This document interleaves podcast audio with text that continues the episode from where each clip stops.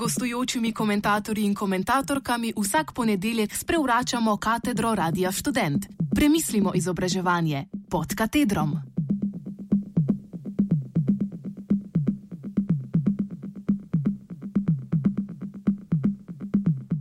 Študent naj bo.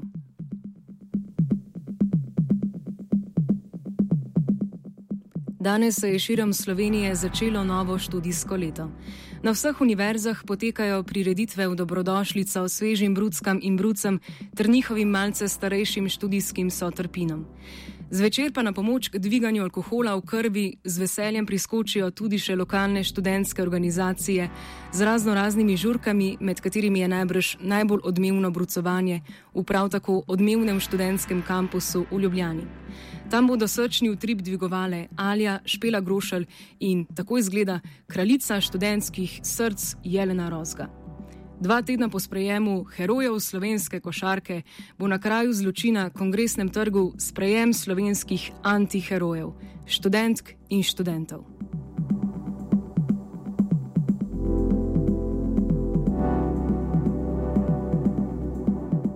Po vsej verjetnosti bo tudi na tem sprejemu zbrane nagovorila resorna ministrica in najbrž jo bodo prav tako suvereno izvižgali, kot so jo pred dvema tednoma.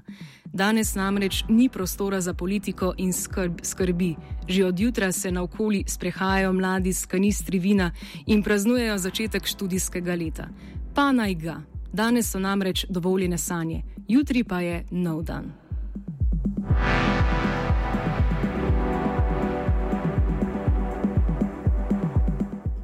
Študentsko življenje namreč ni zlato obdobje našega bivanja na tem svetu. Čeprav si veliko ljudi, praviloma predvsem tisti, ki nikoli niso prestopili praga fakultete, predstavlja drugače in čuti potrebo, da to deli z vsemi. Študente dojemajo kot nepotreben segment razvajenih in brezdelnih ljudi, ki čez teden lenarijo, ob koncih tedna pa pijajo, žurajo in se zakajajo. Skratka, bluzatori, ki harajo okoli brez pravega cilja. Seveda ima ta predsodek v sebi tudi nekaj resnice. Veliko študentk in študentov namreč ne vidi več nikakršnega cilja v življenju. Ob vse splošni politično-ekonomski situaciji za nje nekako ni prostora.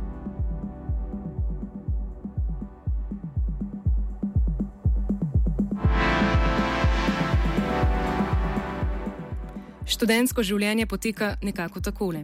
Ob tem, da morajo na fakulteti vsak dan preživeti kar nekaj med seboj praviloma nepovezanih ur, so ob enem prisiljeni ob študiju še delati za lastno preživetje.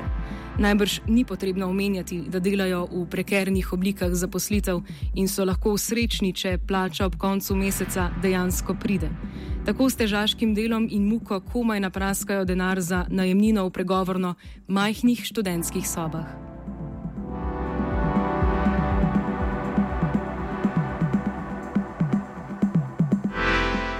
Veliko stane tudi tako upevani brezplačni in vsem dostopni študij. Mogoče res brezplačen, a vsekakor ni zaston. Še manj pa je dostopen vsem, ki si želijo študirati. Fakultete namreč vse bolj iščejo načine dodatnega postranskega zaslužka. Tendence, ki so logični rezultat podrejanja šolskega sistema logiki prostega trga. Tudi na izrednem študiju ni vse jasno. Leto so na več fakultetah čez noč zvišali šolnine za izredni študij, brez kakršne koli razprave, kar kaže na že pregovorni manjko demokratičnosti na univerzah in na elitizem teh institucij.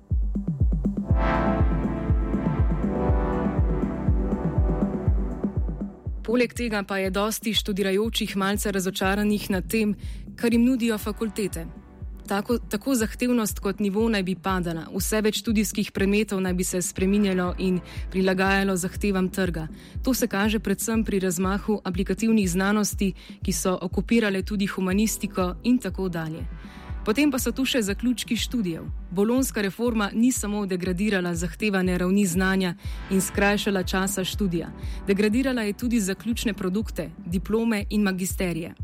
In to tako zelo, da na kar nekaj fakultetah razmišljajo celo o ukinitvi diplomskih nalog, nekje pa so to že storili. Ne moremo reči, da jih ne razumemo.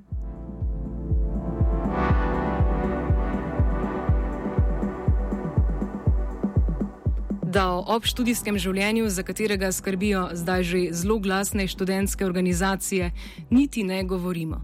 Zabavanje študentk in študentov s plavim orkestrom Jeleno Rozgo, alijo narodno-zabavnimi ansambli in podobnim vidimo kot izgovor za še eno pijančevanje dolgo v noč. Tako kot smo povedali že na začetku, je funkcija takih prireditev ta, da študentje ob tem ne pozabijo na bedo vsakdanjega študentskega življenja, ki ga živi oziroma životari večina izmed njih.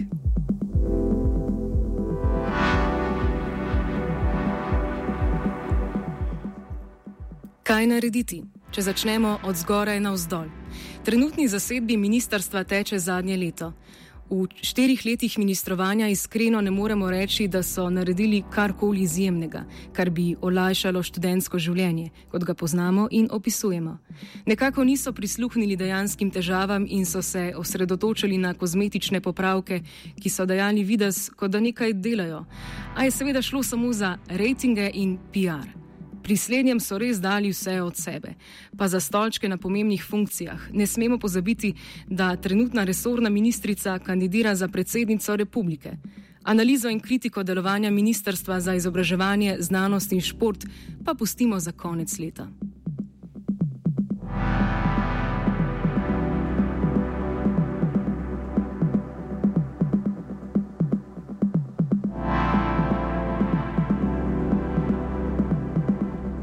Pa da ne bomo vseh odgovornosti izvalili na ministrstvo.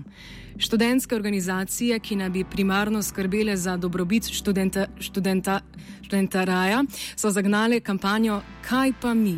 Če postimo ob strani malce patetičen naslov, je kampanja dajala vtis, kot da se je študentska organizacija končno začela premikati. Dejansko jim gre za študente. A ta navdušenost se nam razblini takoj, ko pogledamo cilje, za katere so se borili če jih, če jih naštejemo le nekaj. Podaljšanje bonov do 22. ure zvečer in na poletne mesece, drobna davčna olajšava, uvajanje sprememb pri uveljavitvi dodatkov k štipendijam, natančneje pri dodatku za bivanje, ki bi se sedaj lahko uveljavil tudi med letom in tako dalje. Kot vidimo, ne gre za reševanje resnih in ključnih problemov, prej za proizvajanje občutka, da se nekaj pa le da, pa, pa le dela.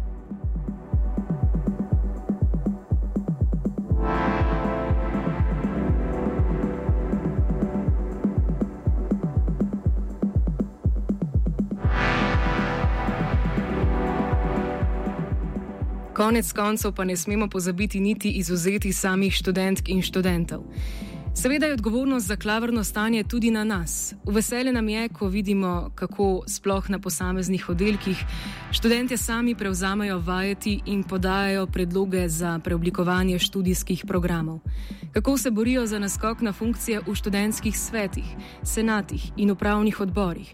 Funkcije, ki so bile rezervirane samo za izbrane.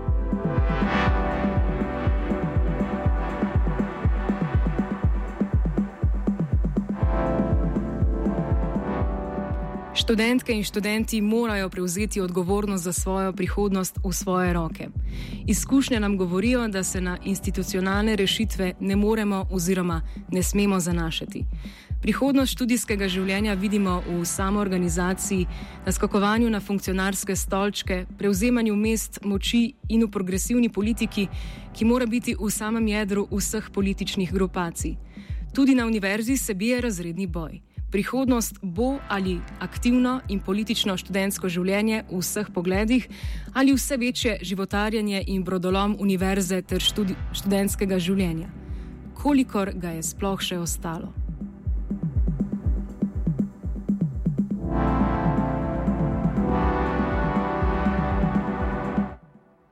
Študentje Tine.